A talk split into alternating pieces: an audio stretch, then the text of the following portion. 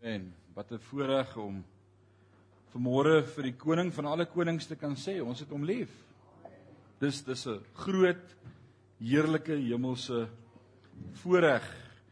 As jy die woord van die Here hier het, maak vanmôre saam met my oop by 1 Petrus hoofstuk 3.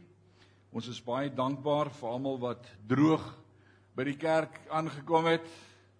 Uh oom Johan sê ons moet asseblief nou 'n bietjie bid vir sonskyn. Toe sê ek die boere moet net van die begin af spesifiek wees, Lukas. Sê vra die Here vir 7 dae se reën. As jy sê bid vir reën, bid ons dat dit aanhou reën tot die Here kom. En dit is dalk waar ons die fout gemaak het. So ons is dankbaar ons sien op die weer, dit lyk of die son hierdie week gaan skyn. Ons is dankbaar vir elke druppel, vir elke dam wat vol is, maar ons bid ook vanmôre vir die beskerming van God se kinders en uh, vir elkeen wat naby die rivier bly dat die Here ook sy hand van beskerming oor hulle sal hou. Lees saam met my in 1 Petrus 3. Ons gaan vanmôre praat oor ons hoop is in hom. Na aanleiding van ons teks laasweek het die woord van die Here vir ons gesê as jy in my bly en ek in jou sal jy vrug dra. So daar's 'n wederwysige twee rigting iets wat gebeur. Ek is in Jesus, hy is in my. Uh as hy in my is en ek in hom is, gebeur daar goed. En vanmôre wil ek met jou praat oor ons hoop is in hom. Dis ons hoop. Het jy enige ander hoop buiten Jesus? Hy is ons hoop. Uh my pa het altyd gespot toe sê hy Amerika has Bob hope. nee. Nou ons het hoop. Ons hoop is Christus vanaf vers 13 tot 17 en ons lees saam. En wie is dit wat julle kwaad sal aandoen as julle navolgers is van die goeie? Petrus raak baie prakties. Hy praat oor die Christelike wandel en om jou kunskap as kind van God uit te leef in die wêreld. En dan vra hy 'n paar vrae. Nou baie interessant, 1 Petrus, uh 5 hoofstukkies. Jy kan hom in 20 minute deurlees as jy stadig lees. En in hierdie 5 hoofstukkies kom die woord suffering of lyding of om te ly ter wille van. Hierdie gedagte kom 15 keer voor in hierdie 5 hoofstukkies. En in hierdie 5 hoofstukke in die middel van suffering en lyding in hoofstuk 3 praat hy vers 1 tot 8 oor die huwelik. Interessant. En dan die een slim oom eendag gesê die huwelik kan die naaste aan die hemel wees wat jy ooit op aarde sal beleef. Of die naaste aan hel. en ek weet vir ons gemeente is dit die naaste aan die hemel want ons verstaan God se woord rondom huwelike. Nou kom hy en hy praat oor ons optrede dan, nie net in ons verhoudings met ons huwelik nie, maar nie net ons lewensmaat nie, maar ook ander mense in ons verhoudinge in die wêreld. En hoe lyk ons verhouding as kinders van God tot die wêreld? En dan sê hy, wie sal ons kan kwaad aandoen as ons navolgers van die goeie is? Dan sê jy Matthys het al geleer dat selfs gelowiges en goeie volgelinge van Christus met hulle lewe betaal. Polycarpe en dwars deur die dwars deur die ek bedoel die eerste een wat gestenig is vir Christus was, die eerste martelaar was Stefanus. Want dit het nie daar opgehou nie. Steeds in ons dag en eeu word Christene doodgemaak van 'n geloof. Hoekom dan? Vers 14 sê maar as julle ook moed ly, sê jy saam met my moed ly. Alraai, nou dis dieselfde Petrus wat sê Wees bly wanneer jy beproef moet word omdat jy weet dat daardie beproewing van jou geloof leidsaamheid bewerk. Dan word dit God dink dis nodig dat ek ook soms moet ly. Ons wil nie ly nie. Ons is net ly. Maar ons like dit nie om te ly nie, om om to erf to to experience suffering for Christ. That's not nice. Ons bid gewoonlik heel eerste teen dit. Hoe ek wil net nie swaar kry nie. Ek wil net nie sukkel nie. Ek wil net nie ly nie. Maar Petrus sê iets van soms moet ons ly. Dis deel van ons getuienis. Hy sê maar as jy ook moet ly ter wille van die geregtigheid, sê saam met my salig is julle. Wil jy graag salig wees? Dan jy soms nodig om te ly.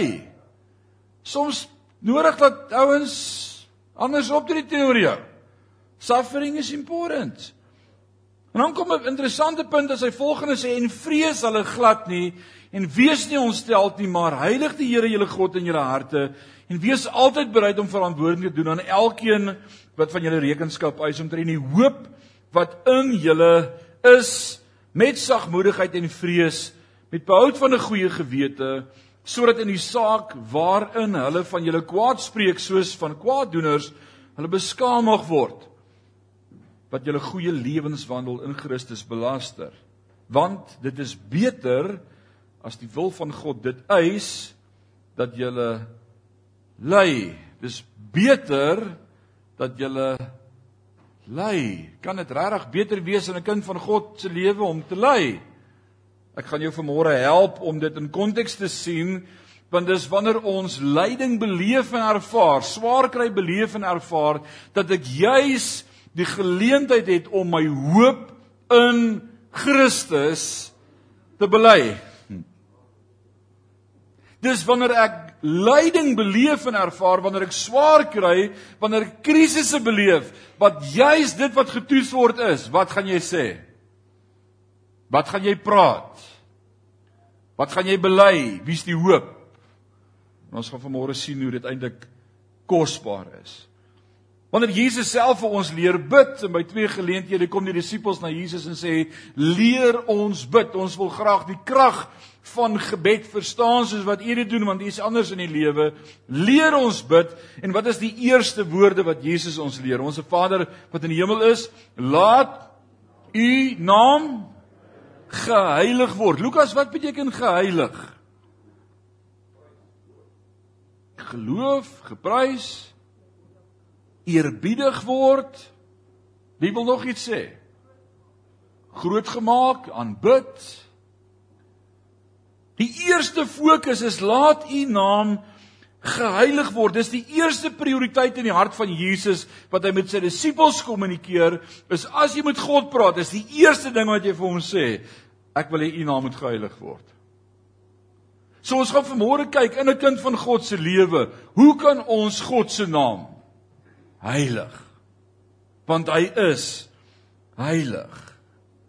En dit is ook die eerste prioriteit vir volgelinge van Jesus. Ons bid in die eerste plek, Vader, laat U naam geheilig word. Werk in die kerk. Werk reg oor die wêreld met soewereine krag vir ander harte en bring mense na 'n plek waar hulle U in hulle lewe sal aanroep sodat U kan heilig wees in elke mens op aarde. Laat U naam heilig word in elke mens. En daardie woord geheilig is dieselfde woord wat Petrus in vers 15 gebruik in die teks as hy sê, maar heilig die Here God in julle harte. Dis dieselfde gedagte wat Jesus ons leer bid in die Onse Vader. Laat U naam geheilig word. Petrus sê, laat Christus in julle harte geheilig word. Heilige Christus, heilige Christus as die Here in julle harte. Hy is God met ons. Hy is die Vader, hy en die Vader is een. So indirek bid ek ook, laat Jesus in my lewe geheilig word. Nou wat beteken dit om Jesus te heilig in my lewe? Dit beteken om hom as die heiligste wese in die heelal te beskou. Wie van julle kan sê amen? Dis great. En dis dalk jou beskouing en dis wat ons as kinders van God bely wanneer ons hier bymekaar kom en wanneer jy Bybel lees, God is die heiligste. Maar jy gaan prakties vanmôre sien wat dit in my lewe beteken as ek regtig sê hy's die heiligste. En dis meer as om net te bely hy's die heiligste. Ons beskou hom as uniek, as enig in sy soort, sonder gelyke of mededinger in reinheid en opregtheid en goedheid. So wanneer die nuwe lewende vertaling dan in vers 15 vir ons sê maar heilig die Here, julle God, dink ek dit beteken plaas hom in 'n kategorie van sy eie die hoogste met die grootste waarde, die hoogste skat, die grootste bewondering, die mees gekoesterde, gepryste naam, die een wat jy ag en eer en die meeste liefhet van alle persone en dinge in hierdie wêreld, God.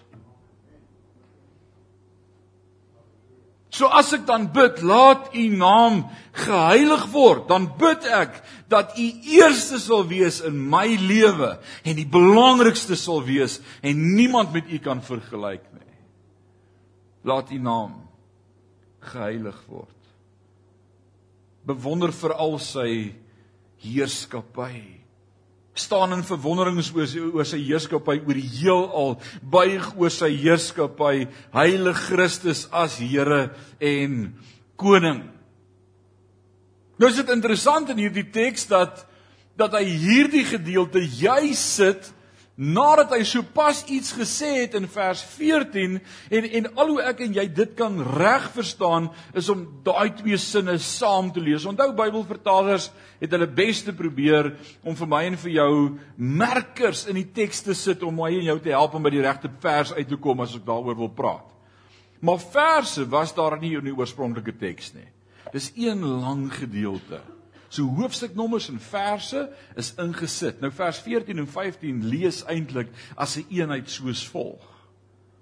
En vrees mense of hulle glad nie en wees nie ontsteld nie. Sê vir jouself wees nie ontsteld nie. OK, sê dit nou vir die ou langs jou. Wees nie ontsteld nie. Raai vrees die mense nie, wees nie ontstel nie, maar heilig die Here God in julle harte. Met ander woorde, hierdie is 'n 'n teenpool, 'n counterweight, is 'n is 'n teenaksie. En dan wil ek die volgende stelling maak. Nou raak dit nogal dis prakties waar die tekkie die teer tref vanmôre. Of ek gaan vrees hê in my lewe, moet ek verder gaan. Of ek gaan kan bid laat U naam geheilig word in my lewe. Ek wil so ver gaan om te sê vrees vrees diskwalifiseer die posisie van om my hoop in God te sit. Jy het of hoop in Christus of ek sukkel met vrees. En nou verstaan ek hoekom is die vyand so wakker om by my en by jou vrees te wek. As ons vanmôre wil eerlik wees en mag ons vanmôre in die kerk eerlik wees, onthou wat het met Ananias en Safira gebeur in die kerk toe hulle nie eerlik was nie. En ek gaan nou nie vanmôre vra vra nie. Nou eendag sê broer vir my, hy is so bang om kerk toe te kom want ek vra vra en hy is bang ek vra vir hom iets. Toe sê ek man, almal vir wie ek vra vra het ek vooraf meer gereël. Barry, dit is mos so. so nou moenie bang wees nie.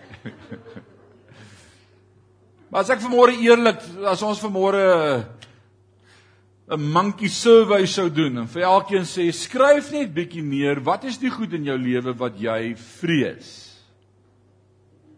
Is ek seker dat daar op elkeen se lysie ten minste 1 of 2 of 3 of 5 of 10 goed sou wees? Waaroor jy vrees. En dan wil ek vanmôre vir jou wys uit hierdie teks uit dat in 'n kind van God se lewe vrees juis die posisie steel om aan God eer te gee en my hoop in hom te stel. Die teendeel, dank God, is ook waar dat wanneer ek my hoop en my vertroue onwrikbaar in God stel, daar nie plek is vir vrees nie in my lewe nê.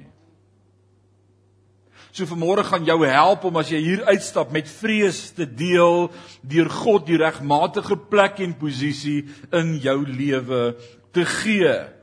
Met ander woorde om Christus as Here in jou hart te heilig is die alternatief van om mense en dinge te vrees. Dis twee teenpole van mekaar. Moenie die mense vrees nie, heilig Christus as Here. En daar is dit iets omtrent vreesloosheid voor die dreigement van mense wat Christus as Here eer. Wat kan dit wees? En waarom heilig vreesloosheid Christus? Die antwoord word gegee as ons aanhou lees in die teks vers 15 sê, maar heilig die Here God in julle harte. En dan kan jy vra, Hoe? Wees altyd bereid om verantwoording te doen aan elkeen wat van julle rekenskap eis omtrent die hoop wat in julle is met sagmoedigheid en vrees. Heilig Christus in julle harte deur 'n geloofwaardige verdediging van julle hoop te gee. Met ander woorde, en ook soms in my eie hart vir myself as daar vrees is in jou hart. Nou kom ons wees net 'n oomblik deursigtig en eerlik vanmôre dat almal nou nie voel ek preek net vir hulle nie. Wie sukkel soms met vrees? Steek jou hand net so oomblik op. Dinge waaroor jy dink, 'n oomblik as jy jou kan vang en dink, oh, "Hoe ek wonder hoe gaan dit gebeur? Wonder hoe gaan ons hier uitkom?" Almal van ons doen. Almal van ons doen. Maar dis 'n geleentheid vir my om opnuut my geloof in God te bevestig verbaal, hardop, sodat God daardeur die eer kry, want groter is hy wat in my is as hy wat in die wêreld is. Hy is dus geheilig en geëer wanneer ons wys dat ons hoop onwrikbaar is. As die dokter vir jou slegte nuus gee, en vir jou sê jou dae's getel, om te sê loof die Here. Ek kan nie wag nie. En as hy vir jou sê maar hoe kan jy so praat dan sê jy Christus is my hoop. En Paulus sê as ek hier uitleef, leef ek in by hom en niks kan my skei van sy liefde nie. Dis die hoop wat ek het. Staaf van jou gesteel word en gevat word om te sê loof die Here. Hoe kan jy die Here loof wanneer jy dinge verloor in die lewe? Want God weet wat ek nodig het en hy is my bron. En hy sê hy sal vir my sorg en hy sal gee en voorsien na die rykdom van sy genade. My God bly in beheer. Dis net in 'n reg verstaan en sien van wie God is dat ons te midde van ons vertroue in God kan bevestig. Nou kan ons die verband sien tussen vreesloosheid en heiligmaking van Christus as Here as hy sê moenie bang wees vir hulle intimidasie nie. En wees nie verskrik nie maar heilig Christus as Here in julle harte. Ek wil sê vreesloosheid heilig Christus as Here so wanneer ek 'n vreeslose mentaliteit ontwikkel Al gaan ek ook deur 'n dal van doodskade weer, ek sal geen onheil vrees nie. God het ons nie 'n gees van vreesagtigheid gegee nie, maar van krag, liefde en selfbeheersing. Die Engels is so mooi en baie meer korrek vertaal. God has not given us a spirit of fear but of love and power and a sound mind. Hier's die groot probleem. Hier binne. 'n sound mind. Soms voel jy jy wil van jou kop af word. Hier. God sê ek het jou nie gees van vrees gegee nie. Met ander woorde, om jou gedagtes in beheer te hou is deel van om jou hoop in Christus te stel. En soms, en ek het dit laasweek gekwout in die vorige week in my preek, as deel van daai 15 punte wat ek en jy kan evalueer of ons blydskap volkome in die Here is. Ek het gesê preek harder vir jouself as wat jy na jouself luister. Preek vir jouself. En sê vir jouself self sit jou vertroue in die Here. Self God is groter as hierdie ding in my lewe. God bly op die troon. So vreesloosheid is 'n duidelike getuienis dat ons hoop werklik is. Dis ons getuienis teenoor die wêreld dat ons hoop in God werklik is. Ek is nie bang nie. En aangesien Christus die fondasie en doel van ons hoop is, eer hom, wees vreesloos, heilig hom en wys sy unieke waarde en krag in ons lewens. Dis belangrik, dis prakties hoe ons dit doen. So my gevolgtrekking is dus dat hierdie hele teks oor hoop gaan en hoe dit ons help om Christus as Here in ons harte te heilig. Met ander woorde, deur elke storm van die lewe wat ek en jy mag gaan, sê saam met my elke. Mm. Deur elke storm van die lewe is dit 'n geleentheid vir my om opnuut my hoop in God te bevestig. En hy kry daardeur die eer. Die uiteindelike kwessie in hierdie teks dan en in ons lewens is om Christus as Here te heilig, te verheerlik en te eer. Dit is die belangrikste, dis die ultimate doel van hierdie teks wat Petrus met my en met jou deel. In suffering, in alle omstandighede, hoofstuk 3 vers 1:8 in die huwelik, in ons verhoudings met die wêreld, in ons verhoudings met werkgewers en werknemers, in ons verhouding met nie gelowiges in alle omstandighede sit jy jou hoop in God en praat reg. En moenie praat soos iemand wat nie hoop het nie. Met ander woorde, die twee koorde wat die inhoud van hierdie teks verbind en bymekaar hou, is die koord van Christus se waarde en hoe ek my hoop in hom stel. Dis alwaaroor die hele lewe gaan, elke dag in my lewe. Dit wat ek bely, dit wat ek ervaar, dit waardeur ek gaan, dit wat ek sê en doen. Wat glo jy van Christus en waaraan plaas jy jou hoop? Elke toets. Kobus, die dokter gee vir jou slegte nuus. Sê sorry Kobus, jy moet inkom vir nog 'n operasie. Ons gaan daai knie geamputeer. Hoor. Wat word getoets by jou Kobus? Wat glo ek van God? en in wie stel ek my hoop? My hoop is in God. En hy sal my vashou elke oomblik van my lewe. Kan iemand sê amen? So moenie vanoggend die hoofpunt in alles mis nie. Die hoofpunt is dat Christus in ons harte geheilig word wanneer hy sentraal in ons hoop staan. Die kern van Christendom Kom ons praat 'n oomblik daaroor. Want ek en jy bely dit ons deel is van die Christelike kerk en die Christelike geloof en ons is anders as heidene wat net glo in 'n godsdiens of 'n afgod. Ons is ons is kinders van die ewige God van ons hemelse Vader. En laat dit 'n oomblik insink vanmôre wanneer jy soggens opstaan. Wie van julle het almal vanmôre opgestaan? Daai is net hier dat hy vanmôre opgestaan het.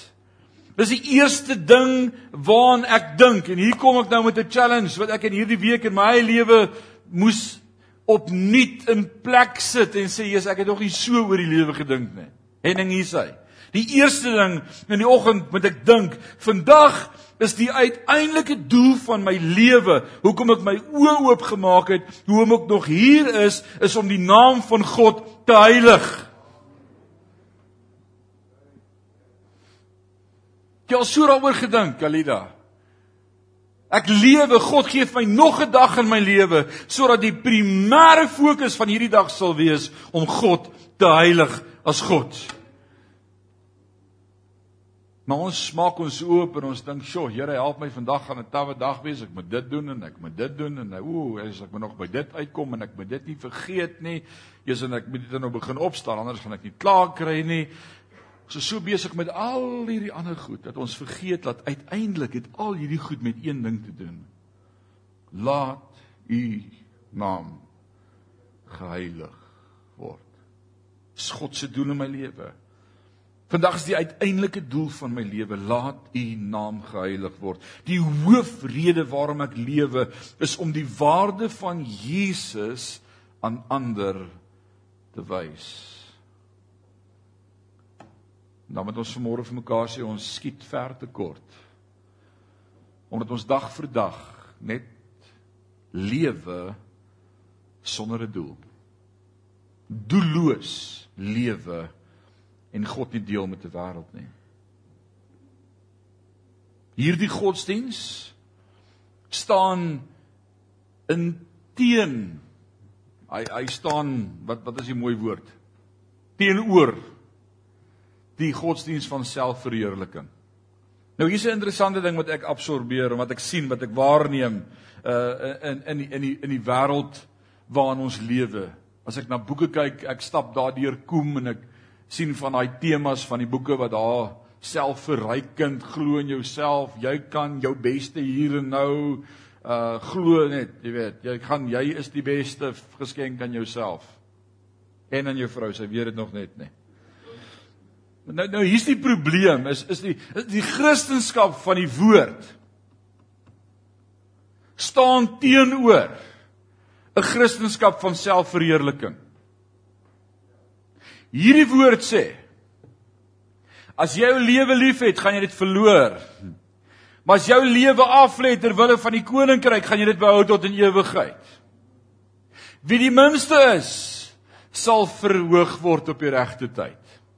Moenie meer dink van jouself as wat jy behoort te dink nie. Ou Paulus is baie uitgesproke in Korintiërs as hy bietjie leiding gee vir die gemeente en sê, "Hey, as jy by die kerk kom, gaan sit agter." Moenie dink jy's belangrik en jy wil voorkom sit nie. Ons sal jou vorentoe nooi. Met ander woorde, daar was daar was 'n groep ouens in daai gemeente gewees wat gedink het hulle hulle stand en posisie in die samelewing regverdig bietjie voordeel. En Paulus sê, "Hey, by Christus is ons almal dieselfde." Dink meer van jou broer as van jouself. Hier's die nommer 1 groot geheim vir 'n suksesvolle huwelik. Het jy dit? Nou moet jy neerskryf, Koenie. Hoe lank is jy al getroud? 52. 54. 54 jaar laat, maar hier kom hy. Alraai. Hier is die groot geheim. Lukas, hoe lank is jy getroud? Sy's jy's bang sy vang jou uit. Alraai, baie slim. Baie lank. 37 jaar. Wie is meer as 54 jaar getroud? Hoe lank is julle getroud? Halleluja. Daar's hoop ouens. 61 jaar. Ons julle skuld daar net. Regtig, dis amazing. Dis amazing. Ek dank God vir elke huwelik in ons gemeente as voorbeeld dat God mense bymekaar hou. Nou hier's die groot geheim. Hier's die groot geheim. As jy meer dink van jou vrou as van jouself. En vrouens, dis nou vir julle ook een. As jy meer dink van jou man as van jouself. Hmm. Hier's 'n groot geheim in die lewe. En en daar's 'n fokus in die dag waarin ons lewe in godsdienste, in kerkgroepe, in gelowe om meer en meer te sê glo in jouself. Sê vir jouself ek kan. Kyk in die spieël en sê jy's die man vir die oomblik. Nee, Jesus sê sonder my kan julle niks doen nie. En daar's baie meer dinge in godsdienste in hierdie wêreld, maar ek dink een van die belangrikste mededingers met die Christendom in hierdie wêreld is die eie ek. As my fokus is laat U naam geheilig word, gaan dit nie oor ek nie. Maar dit gaan oor hom. Meer van hom en minder van my. Christendom is Christus verheffend en hierdie godsdiens in hierdie wêreld deesdae self verheffend. Christendom bring nie 'n las op my nie. Maar hy koortjie wat die sonnaskool koortjie sing vir die kinders sing wat sê dis so swaar om jou laste te dra. Dis so swaar om jou laste te dra. Ken jy dit Pieter? So moeilik om 'n kind van die Here te wees. Vir wie is dit moeilik? Nee, wanneer ek Christus eerste stel in my lewe en hom juis verheerlik en dit nie oor my gaan nie, dit gee my vlerke. Dit dit dit bring 'n vreugde in my lewe. Dit bring 'n opgewondenheid. Dit gaan nie oor my nie. Gaan oor hom. En Petrus sê dat 'n manier om Christus as Here te verhoog is om op hom te hoop. Die skoonheid van Christendom is wat die onderskeid tref tussen ander godsdienste, selfs humanistiese, sekulêre, selfverheffende godsdienste, is dat ons as Christendom 'n verlosser bied wie se heerlikheid en gewig gehandhaaf word deur die hoop daarin.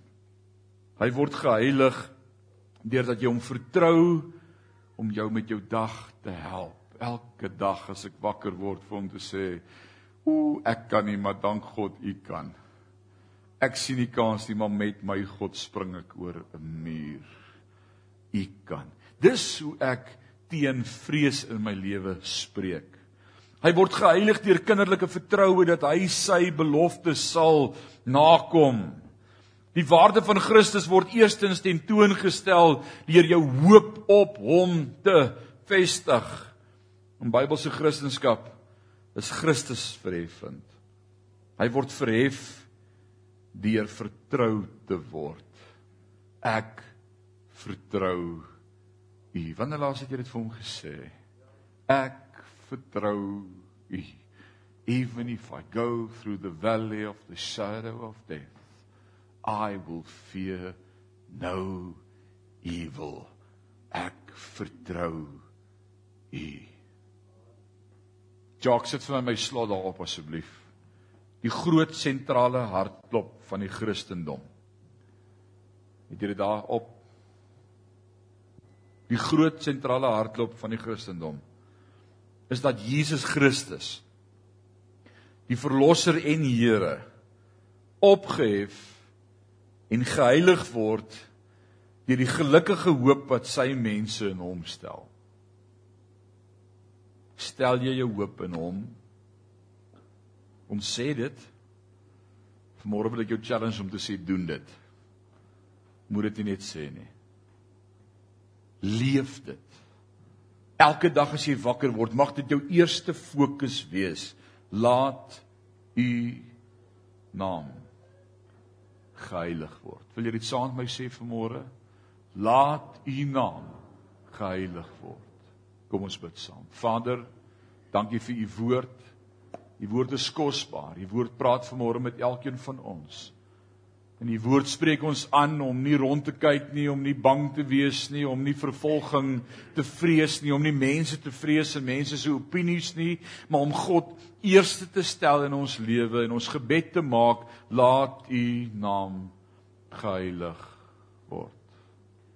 Vader, ek wil bid help elkeen van ons hier by Sion dat dit ons hart klop sal wees elke dag om ons hoop met die wêreld te deel. Ons hoop is in Christus. My enigste troos in lewe en dood is dat ek aan Jesus Christus behoort. Dat U my vashou in die holte van die hand. Dat U met my is. Dat U voorsien na die rykdom van U genade. Oh God, that you are able, that you can carry us through every circumstance in our life. That you are there, more than enough, more than we can ever hope or ask for. Jesus Christ, the foundation of our faith. En haar geloof in U wil ons elke dag bevestig, nie net teenoor U nie, maar ook teenoor medegelowiges, teenoor die wêreld, teenoor mense wat ons pad mag kruis. Is my vertroue is in die Here. Mag ons elke toets en elke krisis wat ons beleef as 'n geleentheid sien om opnuut ons vertroue in U te bevestig.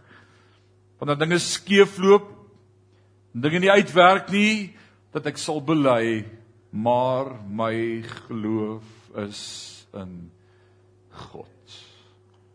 Waar sal my hulp vandaan kom? My hulp kom van die Here.